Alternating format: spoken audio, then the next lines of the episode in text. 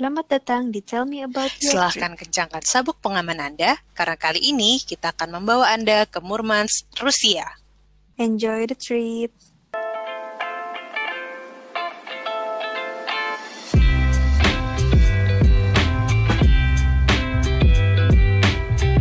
Halo. Ica, kembali lagi kita Masih di perjalanan di ya Rusia lanjutin ya. perjalanan yang kemarin episode dua episode sebelumnya kita ke Moskow. Kali ini kita lanjut ke Murmansk. Jadi Oke. eh, langsung aja, apa namanya?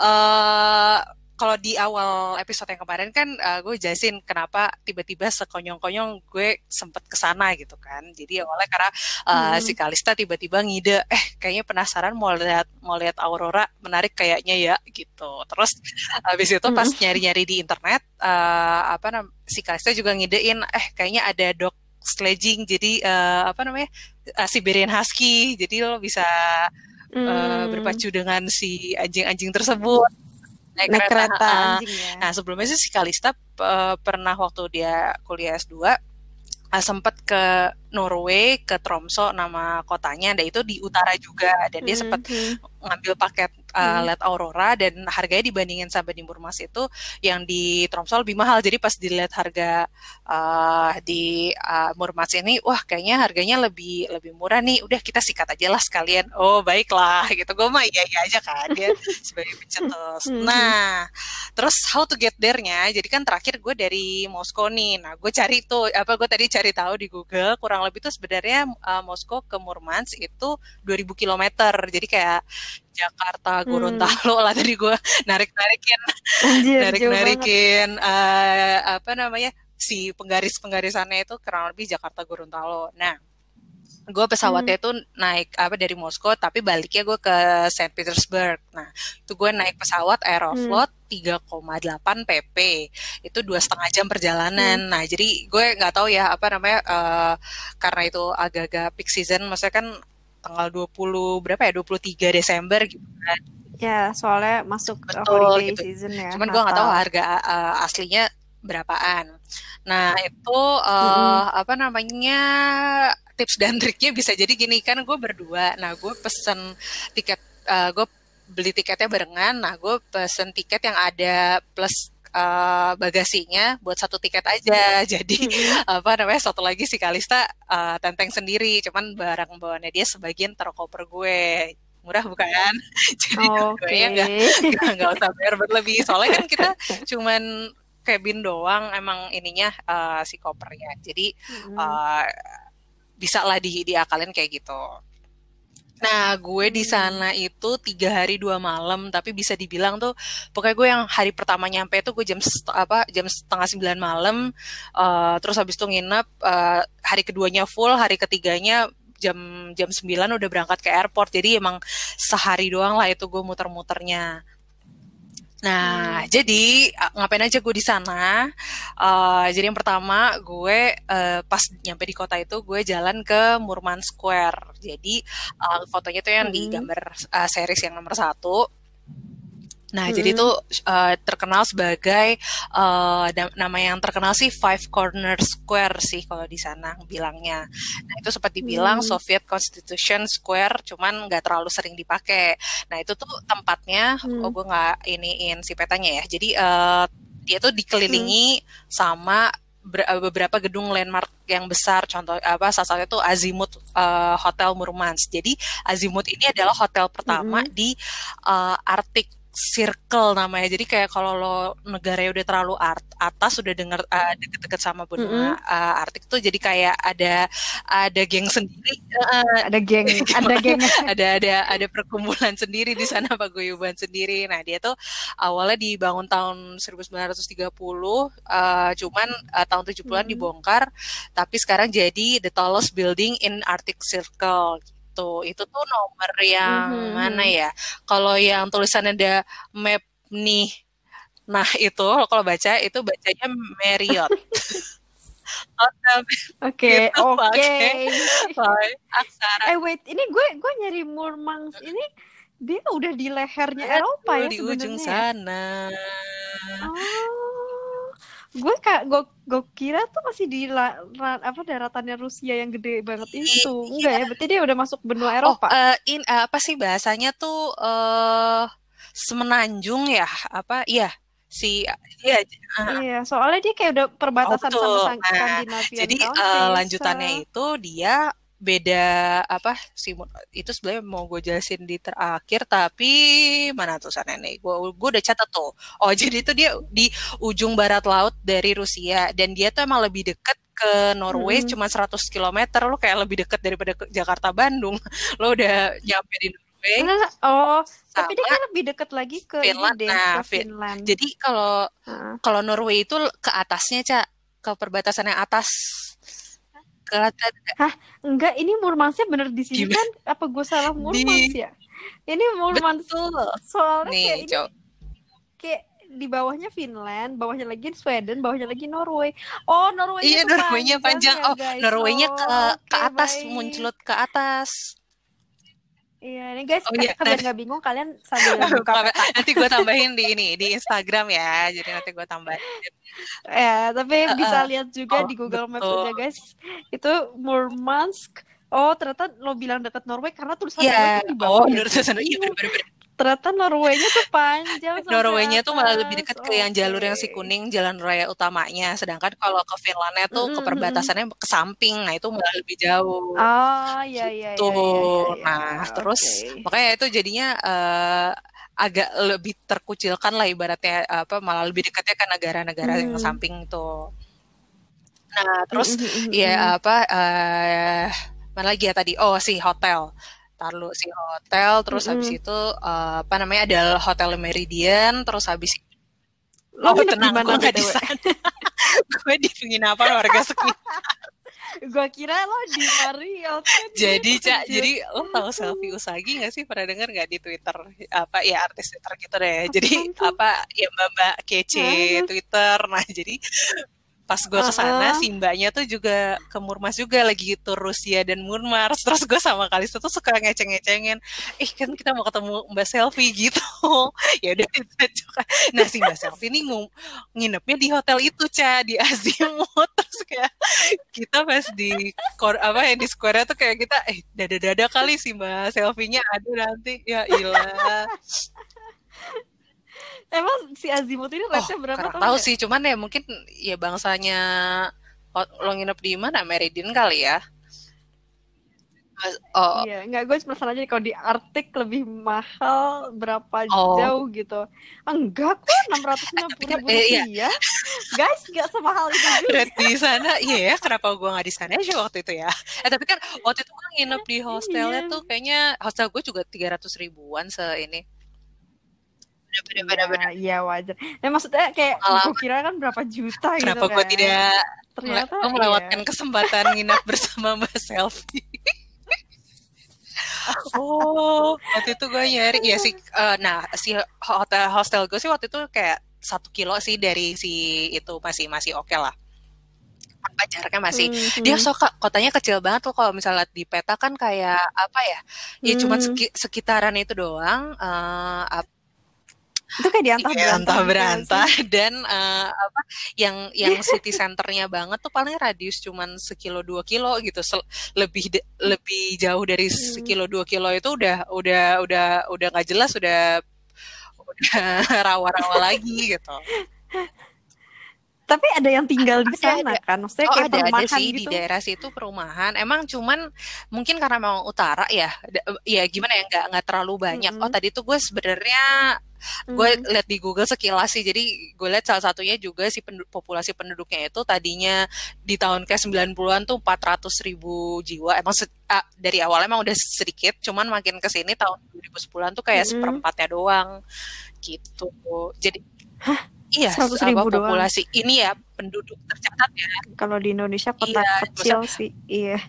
Iya, enggak, gitu. enggak, bukan yang terus, apa nggak termasuk sih uh, turis-turis gitu. Cuman pas gue liat ke sana sih sebenarnya hmm. uh, akan gue obrolin di uh, agak akhir nanti sih. Cuman itu kayak iya kotanya tetap ada gedung, ada mobil, oke okay, gitu. Enggak. Hmm. Tapi ada hotel-hotel semacam Marriott ini berarti kan memang udah jadi biasa jadi tempat nah, tourism uh, juga salah ya? satunya itu si apa namanya oh ya si Azimut itu uh, tempatnya dulu uh, Murmansk itu sempat jadi kota uh, olimpiade bukan olimpiade sih polar olimpik lah gitu jadi kayak uh, olimpiade uh, warga hmm. sekitar kali ya hmm. cuman maksudnya uh, salah satu kota, kota besar hmm. gitu sebenarnya di sana. Mm-hmm. Terus sebenarnya ya poin ini sih tadinya mau gue jelasin di belakangan, tapi apakah gue jelasin sekarang aja tentang berubah secara Gak apa-apa kalau okay, okay. kalau enggak, tadinya gue mau jelasin pertama cak, terus gue kayak uh, ya udah apa ini di belakang aja. Oke, kepo. Kepo aja gue kepo. Lagi, ya, lanjut, terus lanjut, habis lanjut, itu lanjut. ada ya kayak ada bank, terus ada post office, terus uh, dan dan beberapa tempat lainnya sih gedung-gedung. Jadi di tengah itu lo kalau lihat gambar, kalau di musim apa winter sih, jadi emang ada ada hiasan-hiasannya, terus ada ada ada perosotannya itu loh cak, perosotan es, seru ya? Itu literally iya dari sih, es. Ha -ha. Iya, ha -ha, dari es. Dan wow Enggak, ini ini btw oh, foto ini jam berapa ya? ini adalah aja. fotonya jam sekitar jam 11 sampai jam 12 siang. Anjir. Anjir, dia dapat matahari ini juga sehari. gue bahas nanti. Aduh gue, maaf ya. Gue majuin aja di sini, Cak. Oke, langsung aja kita rubah semua itemnya. Jadi, nih kota Murmansk ya, lanjut yang tadi penjelasan dari awal. Jadi Murmansk itu tuh awalnya kota pelabuhan. Makanya sebenarnya lo apa bilang mm-hmm. rame atau enggaknya uh, karena sebenarnya dia itu kota pelabuhan dan mm-hmm. cukup cukup terkenal gitu jadi sebenarnya ramainya tuh karena dari pelabuhan dan mm-hmm. perikanan uh, ini apa tadi perikanan tuh uh, namanya iya buat buat fishing fishing jadi kayak orang-orang impor ekspor hmm. uh, ikan tuh lewat situ gitu karena emang dia deket ya pelabuhan terus mm -hmm. abis itu uh, oh ya nama mur uh, Murmansnya itu sendiri itu dari bahasa lokal uh, mereka tuh namanya ada suku Sami jadi suku Sami itu namanya Murman itu artinya edge of the earth jadi emang kota yang dunia gitu hmm. itu dari hmm. penamaannya di sana katanya sih kurang lebih dari apa di penurunannya dari situ namanya nah terus hmm. uh, lanjutnya lagi itu adalah tentang temperatur jadi temperatur Murmansk itu kan uh, uh, climate-nya subarctic climate gila ini pelajaran SMP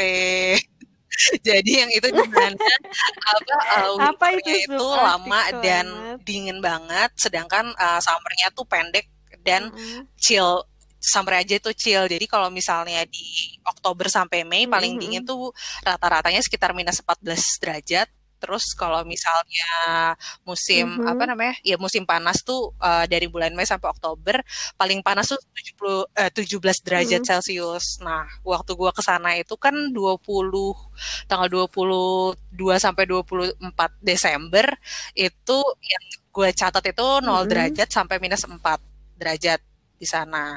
Jadi si foto yang lo lihat mm -hmm. itu tuh ya itu bisa es apa prosotan itu ada esnya tuh ya bisa jadi pas lagi nol derajat gitu makanya dia nggak cair dan mm, waktu gue ngeliat aurora okay. yang nanti gue akan ceritanya tuh kurang lebih bisa minus 12 derajat sih jam oh, jam dua pagi. Nah, abis itu adalah nah itu uh, itu tadi yang apa namanya karena letaknya di ujung dunia, Cak. Jadi ada fenomena namanya midnight mm -hmm. uh, apa Murmasi ini bisa dua peristiwa fenomena midnight sun yaitu jadi kayak uh, itu di musim uh, panas di mana bola matahari itu tetap kelihatan di tengah malam jadi nggak ada terbenamnya gitu dia kayak pas lo bangun dia dari sebelah misalnya sebelah kanan terus sampai malam pun sampai jam 12 malam di sana tuh lo masih bisa kelihatan si bola matahari jadi kayak muter gitu kebayang nggak? Hah? Gimana kok seru? Ya, jadi karena karena lo ter, eh, uh, dia terlalu dekat sama uh, ya di ujung gitu dan uh, dan itu tuh untuk di uh, musim musim uh, panas bulan Mei sampai Juli biasa tuh sekitar 6 60 hari. Sedangkan kalau waktu winter lo tuh bakal dapet namanya polar night alias bola matahari itu nggak muncul sebenarnya di langit ya. Jadi yang makanya si ini tuh si foto-foto uh, yang lo lihat ini sebenarnya apa sih uh, cahayanya tuh hmm. uh, kayak habis terbenam aja gitu. Jadi kalau lo kan kalau misalnya sunset di pantai gitu kan lo kelihatan sih bola mataharinya kan. Nah ini tuh bola mataharinya nggak ada, jadi cuma semburatnya yeah. aja. Dan itu sepanjang hari selama kurang lebih 40 hari lah dari awal Desember sampai Januari. Maka itu seram banget. Sumpah serem sih. Itu kayak kayak, kayak apa ya kayak kayak iya, kayak maghrib terus selama 24 jam. Kalau malam pun ya malam lebih lebih gelap. Cuman maksudnya ya tetap aja. Makanya kayak gue tuh dua gue dua hari di sana. Dan itu uh, kan gue sebelumnya belum pernah tahu nih. Kalau misalkan ada orang bilang winter blues gitu kan yang kalau jadi sendu. Dan menurut gue itu tuh sendu banget di sana. Gue sampai pas akhirnya gue balik lagi ke Saint Petersburg gitu pas udah ke kota selanjutnya baru hmm. ngeliat matahari tuh gue kayak seneng banget. Gue jadi kayak oh ini loh yang dimaksud psikologi itu. Jadi orang-orang ada iyalah gila. Ngeliat fotonya aja gue bisa merasakan betapa ya, makanya lo iya ya uh, yang series nomor satu sama series nomor lima tuh itu ya sekaya hmm. gitulah ininya uh, jam uh, jam mm -hmm. 11 sampai jam uh, jam 5 sore tuh ya kayak gitu. Terus mereka nggak kekurangan vitamin D gitu nah, ya? itu kan sih, cuman kayaknya itu udah bagian dari apa tubuh mereka jadi sudah terdesain dari genetika mereka bisa bertahan di sana. Okay, tuh, okay. terus apalagi lanjut tentang fun fact-nya si uh, apa namanya Murmansk itu dia kan temperaturnya dingin banget. Nah, mm -hmm. uh, cuman pelabuhan Murmansk ini kan kalau dingin banget uh, di bawah 0 derajat kan bisa jadi es kan, tapi di pelabuhan di sana yeah. tuh ice free katanya sepanjang tahun karena huh? ada arus hangat dari uh, Atlantik Utara. Jadi jadi nggak nggak mungkin atau gue nggak tahu ya mungkin atau enggak ya cuman kayak sangat jarang uh, dia bisa beku menarik bukan jadi karena jadi ada oh. padahal kan kalau di mana-mana kan juga lo bisa beku aja soalnya si, si salah satu danau yeah. ya danau di sana juga ada yang beku gitu kalau di musim dingin cuman karena untuk hmm. lautnya sendiri sih ice free bilangnya di sini nah dia itu jangan oh, apa ya okay. karena ice free dan di ujung dan dekat pelabuhan dia itu jadi waktu perang dingin itu dipakai untuk transitnya senjata sama suplai bahan baku ke Uni Soviet dari wow. uh, para negara Serem juga kan, guys. Kan Rusia kan uh, ujung kiri kanannya apa? Eh mentok kan jadi kalau mau lihat uh, lewat apa ngirim sesuatu kan pasti dari atas tuh ya dari Moon Mars itu sih. Mm-hmm. Nah, dekatnya dari sana. Jadi negara sekutu mm. ngasih-ngasih uh, apa alat-alatnya dari sana. Cuman kalau sekarang sih ya itu tadi yang gue bilang jadi sebagai import uh, apa uh, perikanan sama uh, fish processing plant-nya juga cukup yang salah satu terbesar di Eropa gitu itu hmm. tentang si Murmas. Jadi kita kembali lagi ke tempat-tempatnya setelah kita tahan-tahan tidak okay. dijelasin. Sorry guys. Oke, okay, tapi karena penasaran itu banget nih sama kota ini. Fact-nya emang gue tadi taruh di belakang. Oke, okay, terus uh, balik lagi okay. ke tadi Murman Square ya itu pokoknya salah satu yang paling besar sih apa square yang paling besar di uh, di kota itu. Tadinya itu di tengah-tengah itu katanya hmm. sih uh, apa rumah-rumah masih rumah-rumah warga gitu. Cuman tahun 80-an di mm-hmm. diratain aja jadi emang dipakai buat uh, apa lapangan warga sekitar. Nah, yang menarik mm-hmm. dari sana selain uh, apa tadi hotel segala macam, ada yang terkenal McDonald. McDonald tersebut adalah McDonald paling utara di dunia sejak tahun 2014. Mm-hmm. 14 apa 15 ya? Ya, oh, baru, baru ya? dibikin. Ya. Tadinya itu uh, apa namanya sih. McDonald paling utara di dunia itu adanya di Finland. Cuman setelah dibangun ya udah deh. Jadi hmm. pokoknya kayak uh, sebenarnya sih biasa aja. Eh biasa aja maksudnya iya McD aja kan. Terus gue mau nyoba cuman ternyata dia nggak 24 jam loh kira McD dago. Makanya tadi kayak mau apa kita Sorry guys, bukan simpang dago nih guys. Jadi kayak tadinya mau apa ya sosok apa beli apa sesuatu gitu kan terus makan di McD paling utara. Cuman ternyata dia tutupnya juga jam jam 7 atau jam 8 gitu tapi hmm, ya. gila sekarang di utar kutub utara aja ada Mac makan ya. McFlurry di kutub utara apa tidak mending Baik. Tuh, nah, cuman itu emang terus, kayak terus. sebagai apa ya salah satu salah satu landmark juga di sana. Jadi kayak orang-orang si turis-turis itu emang juga pada suka ke sana kan. Smackdy paling hmm. terkenal. Terus nah next hmm. activity selanjutnya yaitu ya, yang ke square itu tuh gue muter-muter di hari kedua ya siang siangnya gitu. Jadi gue nggak ke banyak tempat lainnya sih sebenarnya. Hmm. Nah, aktivitas kedua itu adalah hmm. dog sledging. Jadi hari kedua okay. ini uh, gue ikut apa daftar jadi namanya nama providernya tuh gue North for You bisa cari aja di Google dia itu uh, excursionnya mm -hmm. tuh dari jam 2 jam 2 siang sampai jam 5 sore dan biayanya tuh uh, 1,4 mm -hmm. juta rupiah itu tuh kegiatannya hmm. jadi pas pertama gue jam 2 dijemput dari hostel masing-masing terus habis itu kayak yang setim gue tuh hmm. uh, apa kayak 10 orang cuman ada, ada dibagi dua dua mobil nah gue tuh sama dua orang gue sama Kalisa hmm. sama ada dua orang kayak dari Korea deh terus habis itu perjalanan lah ke Husky Park nah pas perjalanan ke sana tuh gue ingetnya emang sekitar uh, satu jam sih. Jadi gue expect kayak mungkin sekitar 50 km dari kota. Cuman karena sinyalnya jelek jadi tuh gue juga nggak ketahuan itu gue tuh lokasinya di mana. Atau berantah udah kalau kan pas gue searching episode ini aja kan gue nyari gue mau ceritain. Cuman ini gue juga di mana waktu itu kagak tahu. Kayaknya sih kalau lo lihat peta ya kayak yang di daerah mana ya? Ya lo ke selatan kali ya daerah apa jalan apa jalan jalan rayanya hmm. soalnya gue inget emang jalannya sih jalan, ikut hmm. jalan tol gitu terus agak-agak ke selatan hmm. gitu apa hmm. titi kali ya daerah sekitar situ nah apa namanya hmm. uh, abis itu pas turun dari sana uh, ketemu sama si tour guide-nya apa uh, sama ya pe, pe, apa sih pemandunya pemandunya terus kayak sempat dijelasin sejarah Siberian Husky di zaman dulu. Nah kita masuk nih ke uh, hmm. cerita dulu sejarahnya sendiri. Jadi kalau Siberian Husky itu tadi gue cari dia tuh asalnya dari uh, timur lautnya Rusia. Jadi sebenarnya daerahnya dari atasnya si laut yang lo ceritain waktu itu cah laut oh Oh, Oktoks itu, Oktoks. Ha, oh, jadi suku awalnya uh, tuh dari sana apa? Uh, jadi where they are bred uh, by the Chukchi people. Nah, tadi gue cari Chukchi itu emang emang sukunya tuh suku yang di uh, kanan atas sebenarnya kanan atas Rusia. Sedangkan Murmas kan uh, kiri atas ya itu dan itu emang yeah. dari zaman dahulu kala emang dipakai sama bangsa itu untuk uh, sled pulling sama guarding sama uh, ya buat temenin aja companionship gitu dan itu uh, dia tuh kayak breednya tuh emang udah udah yang pasti aktif dan energik dan di mana dia harus bisa menahan uh, suhu uh, bisa sampai minus 50 hmm. sampai minus 60 derajat it protects wow. the dog.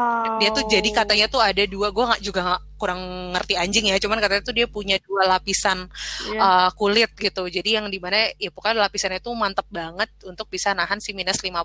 Padahal dia emang gak kelihatan setebal itu juga yeah. ya. Maksudnya I've seen uh, another yang bener, bener. lagi gitu bulunya, tapi kayak kayak ini tetap tetap lapisannya ini ya, pokoknya hitek tingkat tinggi ya. Benar juga. Jadi kayak lapisan kulit kulitnya tuh tebal ya bulu tapi bulunya mungkin yang si ya bulu yang jangkrik-jangkriknya itu ya sebenarnya tidak sesignifikan yang gimana hmm. gitu jadi mungkin yang tadi lo bilang makanya hmm. kelihatannya mungkin nggak se sedimananya gitu dan uh, apa namanya hmm. dia tuh tingginya biasanya sekitar uh, setengah meter uh, beratnya bisa sampai 20 sampai 27 uh, kilo gitu itu sekilas tentang si Siberian hmm. Husky nah terus um, jadi okay. pas gue nyampe dan diceritain terus selanjutnya itu kayak gue nggak tahu katanya sih kebetulan aja di hari itu uh, di dekat situ tuh ada truk yang biasanya buat pembuka jalan es gitu yang bisa lewatin salju. Jadi itu sih gambarnya mm -hmm. ada di situ cak si gambar di sana. Ada, ada, ya. itu naik tro, bukan tronton juga itu pokoknya udah gak jelas nih gue naik kapan.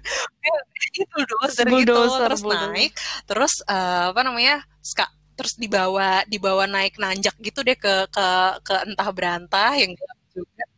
Oh, nah, gue naik, naik kendaraan buat ininya, ke si uh, apa namanya ke foto yang 2D itu kayak kiri kanan bentuknya kayak gitu cak. Lo kagak lihat pohon kagak lihat apa kagak lihat apa. Tuh gue yang di dalam. Jadi yang uh, dijelasin sama mbaknya itu kan yang 2A itu tuh ada ada apa namanya ada gambar yang manusia zaman dulu lah. Kayak apa uh, gambar itu nah 2B hmm. itu gue di dalam si bulldozernya buat selama di perjalanan. Hmm. Nah, jadi uh, terus gue ke suatu spot, uh, gue berhenti di mana itu kayak itu ada si batu yang dipegang sama masnya itu. Itu tuh katanya sih ya apa ya buat hmm. batu kepercayaan warga sekitar gitulah yang menyambungkan ke dewa-dewa. ya dan ada juga mengabulkan permintaan. jadi kayak ya kalau misalnya mau mengucap doa-doa ya mungkin bisa di sini. Terus gue oke okay, baik. terus habis itu kayak udah musyrik aja. Terus udah kayak cuman cuman berapa menit tapi itu tuh itu tuh dalam banget saljunya kayak satu gue hmm. apa tebel banget itu gue apa namanya hmm. tuh si jejak kakinya aja pokoknya susah banget nih jalan di yang si gambar 2D itu tuh buat jalan ke si truknya hmm. gitu. Nah again itu kan hmm. gue uh, gak tahu lo lokasinya di mana. Padahal tadi gue penasaran tentang si batu atau cerita ceritanya. Cuman gue bingung juga nyari googling hmm. keywordnya apa. Iya batu ajaib, ajaib di atau tengah, batu keramat. Batu keramat di tengah antah berantah Murmansk kagak nemu ya. Gitu Betul. Terus oke, okay, jadi okay. itu kayak cuman itu kayak cuman selingan doang. Terus habis itu balik lagi ke mm-hmm. tempat awal dapat welcome drink segala macam. Nah, baru selanjutnya ada playing and photo session with Husky itu. Jadi kayak sempat ke apa namanya ke kandangnya mereka main pada sebagian besar dikeluarin terus hmm. yang pada foto-foto segala macam sama si ini terus sambil dijelasin hmm. tentang tadi apa anjingnya kayak gimana. Baru habis itu baru deh si apa sledging jadi itu tuh 700 meter sebenarnya hmm. kayak muter aja sih uh, apa jadi gue naik yang si kereta itu terus de, uh, depannya ada si anjing-anjingnya kayak ada delapan deh terus di bawah muter muter apa namanya sih muter si pohon-pohon itu aslinya gue kayak satu putaran cuman bentar sih itu paling kayak hmm. semenitan doang kayak waktu itu pernah kalau kak Neng gue soalnya nggak ada karena malam banget jadi gue eh, nggak uh, ada dokumentasi yang mumpuni gitu. Cuman kalau misalnya waktu itu kayaknya si kak Neng ada ini juga ada mm-hmm. ada pernah pengalaman naik begitu gitu. Jadi kalau misalnya mau lihat bisa juga lo uh, lihat ke sana terus sama hmm. uh, ya udah habis dari 700 meter muter balik lagi ke dikasih makan apa kayak sup gitu terus balik deh ke hostel masing-masing gitu tentang si dog sledging hmm. nah selanjutnya uh, okay. itinerary selanjutnya adalah yang bisa dilakukan di Burmas adalah melihat aurora jadi again ini provider yang tadi hmm. North for You dia itinnya bis, apa biasanya tuh sekitar uh -huh. 4 sampai 5 jam. Jadi startnya tuh dari jam 9 malam terus dibalikin ke hostel masing-masing biasanya uh -huh. kayak jam 2 pagi. Nah, dia tuh uh, harganya sekitar 1,2 juta rupiah terus dan itu tuh aurora mm -hmm. tuh adanya biasanya emang cuma 8 bulan jadi sekitar bulan September sampai April jadi kalau lo kes pas ke sana di luar uh, bulan itu agak jarang sih bukan agak jarang mungkin emang nggak ada sih lo nggak bisa keliat si auroranya. Uh, jadi bulan adanya cuma September apa? sampai April. Jadi emang winter sih, karena emang oh, emang okay. manfaatin dingin apa gesekan magnet magnetik dingin gitu cenah. Nah, jadi hmm, apa yang dilakukan? Okay. Jadi pas ke sana sebenarnya sebelum ke sana tuh ada jadi di website tuh dijelasin apa lo kalau bisa pas mau datang lo kan udah tahu nih gue mau datangnya hmm. tanggal berapa, tanggal 21, 22, 23 misalnya. Nanti lo kasih lihat kasih tahu si abangnya, hmm. nanti si abangnya tuh akan ngecek di website mereka kayak apa uh, di weather gitu lah. Jadi uh, hari apa yang paling optimum si ngeliat auroranya. Jadi biar nggak sayang gitu. Hmm. Terus sudah hmm. kasih tauin nanti kalau udah nyampe nanti akan di, akan dipilihin ya udah nih kayak bagusnya yang tanggal 21 oke okay, datang terus jam 9 dijemput hmm. apa gue ke yang si plaza yang tadi terus abis itu naik naik bus hmm. kecil satu rombongan tuh gue kayak ada 15 15-an orang kali ya nah itu uh, apa perginya tuh kayak hmm. ke 100 sampai 150 km dari Murmansk. Jadi kayak again ke tempat antah berantah yang jauh dari uh, uh, apa namanya kota jauh dari uh, lampu-lampu plus feeling gue tuh kalau yang tadi dog hmm. sledging arahnya ke selatan dia yang ke arah utara deh cak utara uh, ke arah, ke arah Norway, Norway gitu ya? lah ataupun yang yang deket sama hmm. si laut juga mungkin arah-arah situ terus hmm. uh, apa namanya nah gue jadi pas ke sana itu tuh bakal datengin sekitar tiga tempat tiga spot. Jadi biasanya mungkin mereka ada tiga spot andalan yang jaraknya mungkin masing-masing beda satu mm -hmm. apa uh, dua kiloan yang uh, lima sampai sepuluh menitan gitu. Jadi kalau bisa di satu tempat nggak oke, okay, dia akan pindah ke tempat lain, akan pindah ke tempat lain gitu. Nah, jadi biasanya nanti kalau lo udah nemu spot yang oke, okay, lo akan foto uh, grup, habis itu nanti akan dikasih foto, uh, kasih waktu foto buat sendiri-sendiri Nah, terus, nah apa namanya itu penjelasan yang dari website, cuman pas cerita dari gue sendiri adalah, jadi pas gue datang ke sana itu cuacanya malah lagi nggak bersahabat. Sebenarnya overall sih, karena waktu yang di Moskow kan gue bilang juga kayak hujan mendung lala lili itu. Mm -hmm. Nah, mm -hmm. itu tuh nggak bersahabat selama sebenarnya seminggu itu uh, selama seminggu jadi pas gue datang uh, apa namanya dan dan kata si abangnya tuh baru cerah itu juga sekitar masuk bulan Januari gitu. Jadi kayak ibarat kalau gue telat sehari atau dua hari juga nggak akan ngaruh gitu.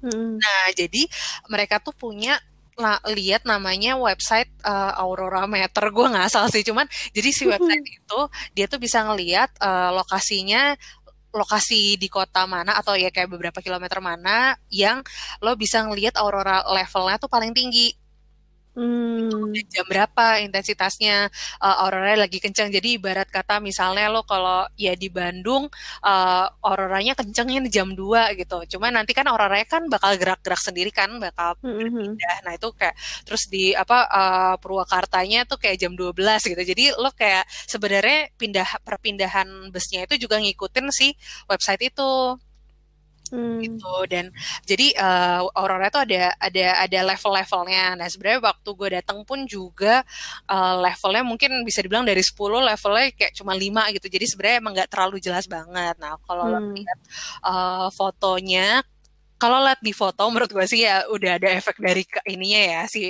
apa editan fotografernya buktinya muka gue merah gitu kan sih. Ya. Cuman kalau kontrasnya. Uh, kontrasnya. Cuman kalau menurut gue yang gue lihat itu kurang lebih yang 3D cak yang, hmm. yang gue lihat di mata gue sendiri gue hmm. tadi sempet cari googling yang mana nih yang gambar yang paling gue mendekati gue gitu mbak hmm. hmm. ini lagi larut sedikit jadi kan sedangkan kalau orang-orang kan fotonya yang wus wus gitu kan si tiga yeah. kayak gitu kan yang super menakjubkan gitu cuman jadi emang tipis mbak uh, cukup tipis sih gitu jadi yang hmm. hasil yang ada itu si uh, eh, 3A sampai 3C gitu hmm. nah terus uh, apa nah kan membuat foto-foto nih gue cukup nyerah aja karena uh, apa gue mau pakai trik asli kan gue udah gue emang gak bawa si tripod sih jadi kan Mm-hmm. Gue mau foto pakai apa trik yang gue foto bintang yang di wearable itu gitu kan. Cuma mm-hmm. berhubung itu minus 15 jadi gue mau tangan aja tuh kayak beku gitu kalau gue buka sarung tangan gitu. Jadi uh-huh. gue udah pasrah aja sama si foto dari fotografer. Nah, hmm. cuman tetap ada tips dan triknya. Jadi kan uh, apa? Jadi tuh orang-orang di sana kan gue kayak lima, 15 orang pas uh, pas habis foto bareng itu terus mm -hmm. pada satu-satu gantian nah ini kayak ada yang keluarga bapak ibu anak dua terus kayak mungkin pada kedinginan jadi pada habis foto tuh ya udah langsung masuk gitu sedangkan tuh mm. gue sama si Kalista kan anti rugi jadi kayak yeah. cuma foto sekali dua kali sih gitu ayo udah kita uh -huh. tunggu aja gitu maksudnya ya tunggu orang udah pada selesai beres baru kita mm. ngantri lagi gitu kan kehidupan mm-hmm. gitu. Terus ada uh, ternyata ada si pasangan suami istri uh, deket gue tuh juga uh, kayak gitu. Jadi kayak mereka foto yang ya udah uh, pelukan gitu. Terus kayak ha foto gila gitu kan. Terus gue kayak udah kita mm. ikutin aja jadilah foto gue tuh kayak gue tiga atau empat kali foto gitu. itu ada trik yang menarik soalnya kan jadi abis itu di dikasih link buat semuanya kak mm-hmm. Google Photosnya. Nah itu si mm. uh, foto gue sama Kalista paling banyak di sana. jadi, jadi Aji mumpung banget. Nah, ya tapi langitnya emang sebintang ini ya. Sebintang itu sih. Maksudnya sebenarnya bintang hmm. ya, cuman ya si uh, apa? Uh, cahaya auroranya sendiri ya nggak terlalu nggak terlalu banget gitu gitu. Hmm, tapi bintangnya juga oke okay banget sih ini mirip yang di Wairebu. Bahkan mungkin lebih banyak. Iya. Eh, agak mungkin agak efek kamera juga dan agak filter-filter juga, cuman ada bintangnya sih waktu itu juga. Cakep sih. Ya, ibaratnya kan kagak mungkin ada ya kan cuma dikontrasin doang kalau di kamera kan. terus apalagi ya udah kan naik bus balik lagi ke apa namanya ke ke Burmans ke kotanya pokoknya gue nyampe uh, di di sana di hostel gue dianterin ke hostel itu sekitar jam 2an mm-hmm. nah pokoknya uh, di hostel sih biasanya kalau kan gue awal-awal wah ini gimana nih kita pulang jam 2 jam 2 pagi cuman kayaknya sih ya di sana uh, hostelnya udah pada paham lah biasa lah ya uh, hmm. orang mau excursion itu asal udah tahu kodenya hmm. aja Terus udah deh itu apa yang tentang aktivitas yang gue yang gue di sana selama tiga hari dua malam tuh sebenarnya itu aja hmm. nggak terlalu banyak. Nah, uh, cuman jadi ada tempat-tempat lain yang gue nggak datengin yang tapi sebenarnya waktu itu masuk ke Things to Do in Murmansk. Uh, hmm. Jadi yang pertama itu ada Lenin Nuclear Icebreaker Museum. Jadi hmm. uh, gambarnya di empat uh, apa empat A hmm. itu. Jadi uh, jadi ini juga gue baru tahu tadi sih uh, namanya itu ada namanya Nuclear Powered Icebreaker Ship. Jadi itu adalah kapal yang menggunakan tenaga nuklir uh, yang bertugas biasanya itu untuk memecah uh, apa sih ice gitu ya yang tadi gue bilang di sana mm -hmm. kan apa si kalau di Rusianya sendiri di Murmansk sendiri sih nggak nggak beku ya. Cuman mungkin pas dia mau kasih ke beberapa kota ke sebelah udah mulai beku. Nah itu di mm -hmm. si kapal itu.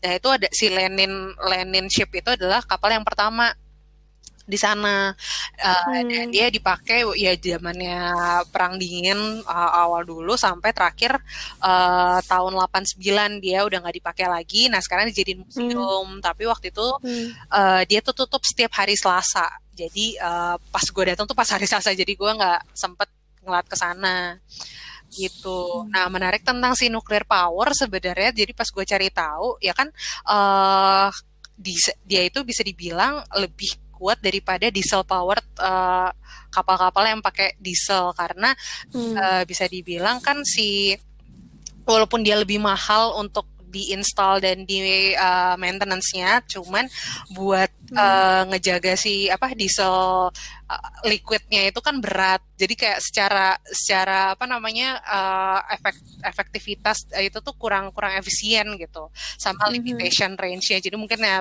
uh, tentang si suhunya juga mungkin diesel nggak terlalu bekerja dengan baik kalau misalnya di suhu, suhu tinggi. Nah jadilah yang uh, salah satu yang negara yang menggunakan si nuklir itu adalah si Rusia gitu tentang hmm. nuklir icebreaker. Kemudian ada World War uh, II Memorial.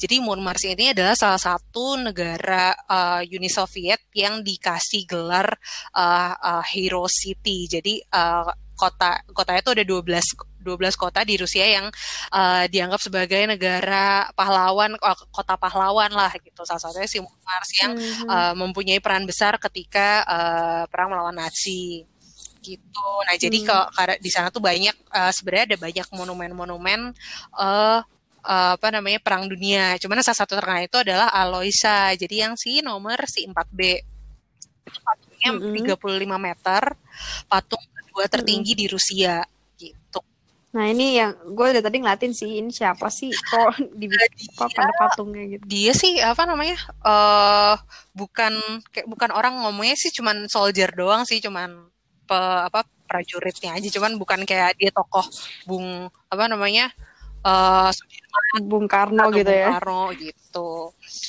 Terus hmm. ya udah itu kurang lebih kurang apa sama aktivitas yang bisa dilakuin itu adalah ke Sami Village yang itu tadi apa sesatu suku suku asli dari uh, peninsula Kola Peninsula namanya. Nah itu kayak suku hmm. aslinya daerah-daerah Mars uh, Norway dan sekitarnya itu lo kayak bisa datengin ke desa setempat gitu. Hmm. Tapi ini kota Murmansnya bagus ya kalau setelah oh, iya. ya. Maksudnya cakep Makanya gitu ngeliat foto yang iya si sih, foto eh, apa iya. sih patung ini makanya hmm. itu ini kayaknya benar dia kayak dikelilingin ada ini ya air ya apa sih sungai apa apa ya? air sih yang di belakang ya, yang tadi tuh. itu cek yang kalau misalnya lo lihat peta dia si informasinya hmm. sendiri kalau lo zoom zoom banget dia ya itu uh -huh. ininya sih apa namanya uh, apa ya itu ya sungai bukannya apa laut masuknya tuh apa ya ya udah pra, oh ya, ya, ya. gue tadi soalnya nggak ini nggak oh itu kayak Tanjung eh apa sih kalau yang masuk ke dalam tuh Teluk apa Tanjung pokoknya soalnya di di ujungnya juga belok kiri belok kanan lagi jadi ya udahlah itu pokoknya dia dekat Iya, iya, iya, iya, iya. Gitu. Oh, Makanya sih okay, lokasinya okay, yang tadi icebreaker itu juga sebenarnya deket sama ininya, deket sama daerah situ mm -hmm. gitu. Hmm. Kurang okay. itu yang uh, apa namanya yang uh, kegiatan lainnya yang bisa dikunjungi di Murmansk. Terus uh, apa ya kan tadi kota Murmansk sudah dijelasin tentang si climate dan fenomena midnight sun dan polar night. Oh ya untuk makanan. Jadi makan apa aja gue di sana? Sebenarnya karena gue cuman sebentar juga jadi nggak terlalu explore explore dua hmm. dua minggu sebelum gue berangkat itu di dari halte ke halte entah kenapa di Twitter tuh ada yang bikin thread uh, Murmans gitu jadi halte halte Murmans oh, gitu iya? kayaknya jadi kayak ada ada baca eh, pembaca apa uh, apa yang followernya yang iseng ngasih uh -huh. informasi tentang Murmansk gitu. Uh, dan salah satu uh -huh. poinnya itu adalah lo apa coba makan uh, blini namanya blini alias sebenarnya crab sih. Jadi crabnya bisa manis ataupun bisa asin jatuhnya.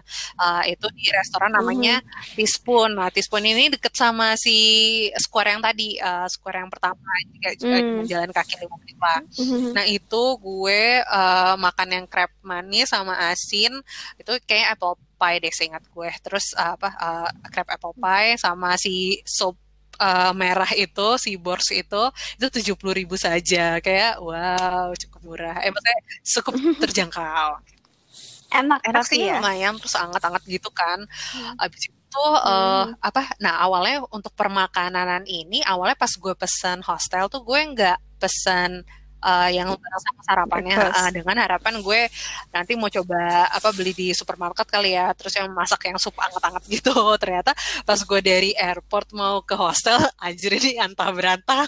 Lebih lebih gak jelas lagi daripada Moskow. Ya udah jadi pas gue bayar di sana uh, gue bilang gue tambahin ini deh uh, apa si si sarapan. Jadi dua hari itu gue sarapan di situ. Terus hmm. kayak gue masih ada sim Shin Ramyun satu jadi gue masak aja di sana. Sama sama si jadi permakanan nggak terlalu eh, berbekal pop mie lah ya. Berbekal pop mie betul sekali. Terus item yang terakhir tentang transportasi. Jadi kalau dari apa airport ke hostel itu kurang lebih tadi gue cek tuh sekitar 35 kilo. Jadi 40 menit perjalanan. Hmm.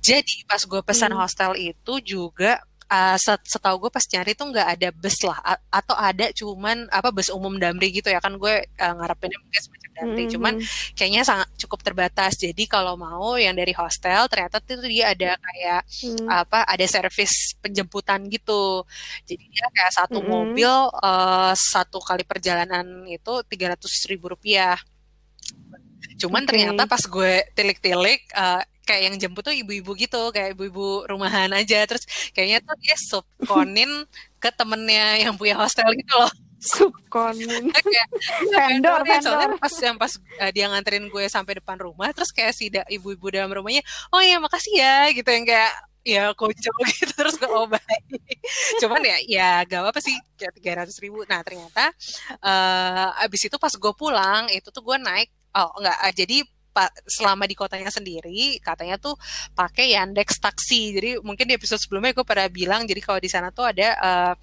aplikasi sendiri apa kayak Grab taksinya hmm. itu atau Go taksinya pakai Yandex warga, uh, aplikasi warga sekitar. Nah, hmm. itu gue sel, apa dari hostel ke Square yang tadi ataupun ke mana itu gue pakai taksi hmm. itu uh, tiga puluh ribu sekali jalan gitu lumayan lah maksudnya nggak nggak terlalu yang yang kan hmm. kan kalau so naik taksi di mana gitu kan katanya bisa seratus ribu gitu ini yeah, yeah, gitu yeah.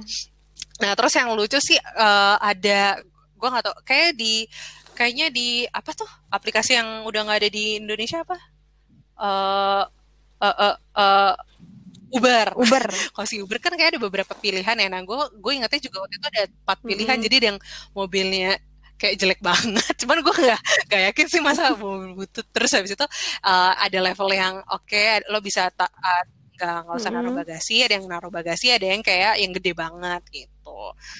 Terus mm -hmm. um, supirnya juga baik-baik. Dia kayak suka ngajakin ngobrol pakai bahasa Rusia. Terus kan gue bingung jadi pakai Google Translate gitu kayak tapi baik gitu. Jadi kayak kalian dari mana pakai bahasa Rusia? Terus lah Nah itu, uh, gue, gue mau nanya juga sih, ini kan udah lebih deket ke Eropa ya, tapi mereka tetap bahasa oh, iya, Rusia ya. Maksudnya bahasa Inggris masih bahasa susah Rusia ya? sih, uh, ya kayaknya ya Eropa pun hmm. juga yang hmm. si Norway gitu-gitu ya pakai bahasa ininya sendiri sih, pakai. Iya sih, cuma maksud gue kan mungkin ada oh, paparan lebih uh, banyak gitu daripada. Enggak, malah lebih menurut gue lebih susah ya, mungkin karena kotanya juga di ujung ya. Again yeah, gue nggak yeah, terlalu yeah, banyak yang interaksi cuman kan yang sempet pas gue apa mau perpanjang sarapan gitu kan gue pasti pakai ngomong kan mm -hmm. itu juga gue pakai Google Translate sih mm -hmm. dan mereka sama sekali agak cukup bingung dengan bahasa Inggris dasar at least gitu kan jadi mm. ya udah deh udah pakai full aja nih pakai si bahasa apa pakai Google Translate Google gitu. Translate terus ke cuman kalau selama di tour kan pakai bahasa Inggris ya tour yang tadi terus apa ya di taksi pakai itu gitu kan. Terus akhirnya ya udah pas pas gue udah mau besokannya udah mau pulang si ibu-ibu kosannya eh ibu-ibu hostelnya bilang apa uh, lo mendingan pakai Yandex taksi aja gitu. Itu harganya bisa lebih murah. Jadi kan tadi uh, tiga apa tiga ratus ribu ya kalau itu tiga ratus ribu, ratus ribu doang gitu. Terus wah tahu gitu. Waktu itu pas dateng pakai taksi aja. Cuman setelah gue pikir-pikir kan gue nyampe di sana kayak jam sembilan hmm. malam antah berapa jadi yeah, kayak yeah. ya, ya nggak apa-apa sih. lah terus uh.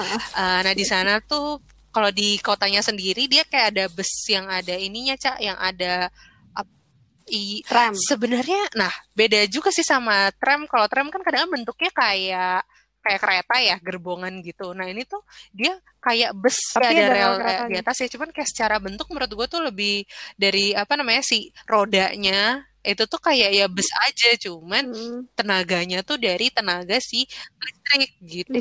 Kalau tram kan dia di hmm. rel kan di, di, rel ya? ya di rel kereta. Lucu juga ya.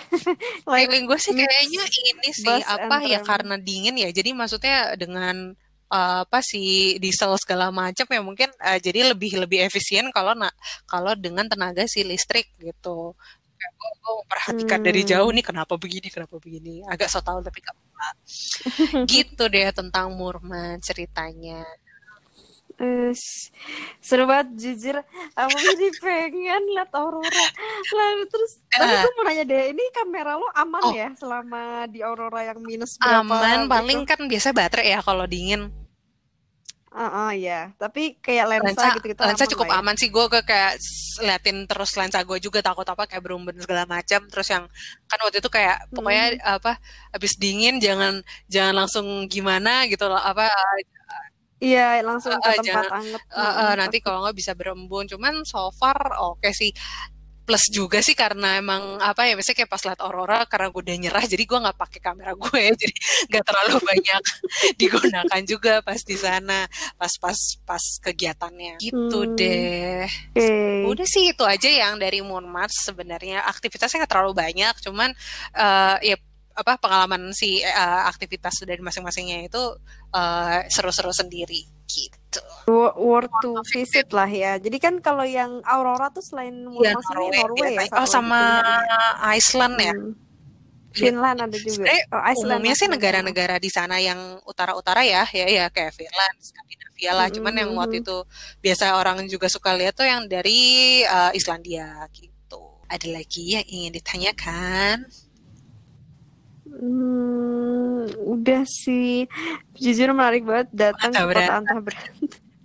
Tapi kayak kota mati gak sih? Atau emang ada orang ya, masih ada kehidupan oh, juga sih ya? Iya mobilnya sebenarnya rame-rame aja sih. Uh, apa malam-malam terus kayak kayak kalau gue lihat sih tadi tuh kayak ada teater, ada apa akuarium gitu-gitu. Jadi maksudnya sebenarnya Biasanya penghasilan orang apa di sini? Fisheries gitu ya berarti yang Tadi sih secara ini gitu. pelabuhan. Apa namanya kalau kotanya sendiri kotanya pelabuhan. Cuman gue lihat sih sebenarnya kayak ada banyak kantor-kantor juga ya. Kurang paham juga ya mereka di sana ada bisnis hmm. apa gitu.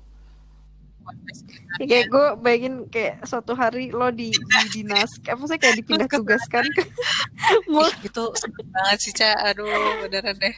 Gelap aja kayak kayak sendu mulu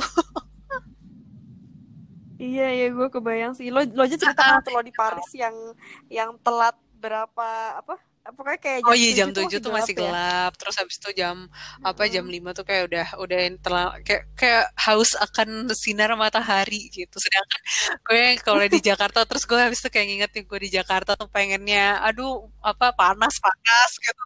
panas kayak, banget kalau mau jajan ke belakang aja tuh kayak pakai kukupan jaket segala macam tapi tapi begitu nyampe Jakarta sih gue kukupan lagi sih cuman kayak Tetap aja matahari. Tapi emang sih kalau negara empat musim yang enak tuh yang yeah. ada di tengah sih ya kayak Jepang gitu. Jadi jadi nggak terlalu ekstrim gitu. Yeah. Kalau yang udah utara kan kayak anjir. Walaupun winter banget. juga kayak masih ya ada matahari gitu kan, masih masih cerah lah. Mm -mm, Iya paling paling jam ya jam 6 masih masih gelap tapi setengah tujuh jam tujuan oh, udah betul. udah terang lah gitu belum nggak ini gitu marah lah deh oke okay, okay, Ica terima kasih sudah mendengarkan episode kali ini Terima kasih guys sudah mendengarkan iya. episode kali ini. Semoga menginspirasi untuk ke utara. utara sebenarnya gue pengen banget jujur salah satu bucket list gue adalah ke kutub utara, tapi gue sebenarnya pengen ke kutub utara, utara bener ya, oh my Arctic. Caranya ke mana ya? Caranya lewat mana ya katanya? ada ada. Masih transit dulu gitu ya. jadi uh, uh, jadi ada kayak kapalnya gitu dan segala macam. Terus kayak suatu hari tuh dulu gue pernah ngeliat juga si Greenpeace tuh uh, ada program apa gitu. Terus kayak katanya kalau misalnya kita ngapain nanti bisa dapat menang. Itu juga anjir apa gue ikutin oh, nggak ada nggak ada airport ya cak? Jadi emang harus pakai jalur laut ya? Wow iya jadi kayak ada jalur lautnya gitu. Nah, terus berapa berapa ratus atau berapa puluh juta ya B-nya? Kayak kayak makasih gitu. Demi kekhusus putera ya Allah gue pengen banget tapi boleh nggak naik helikopter aja.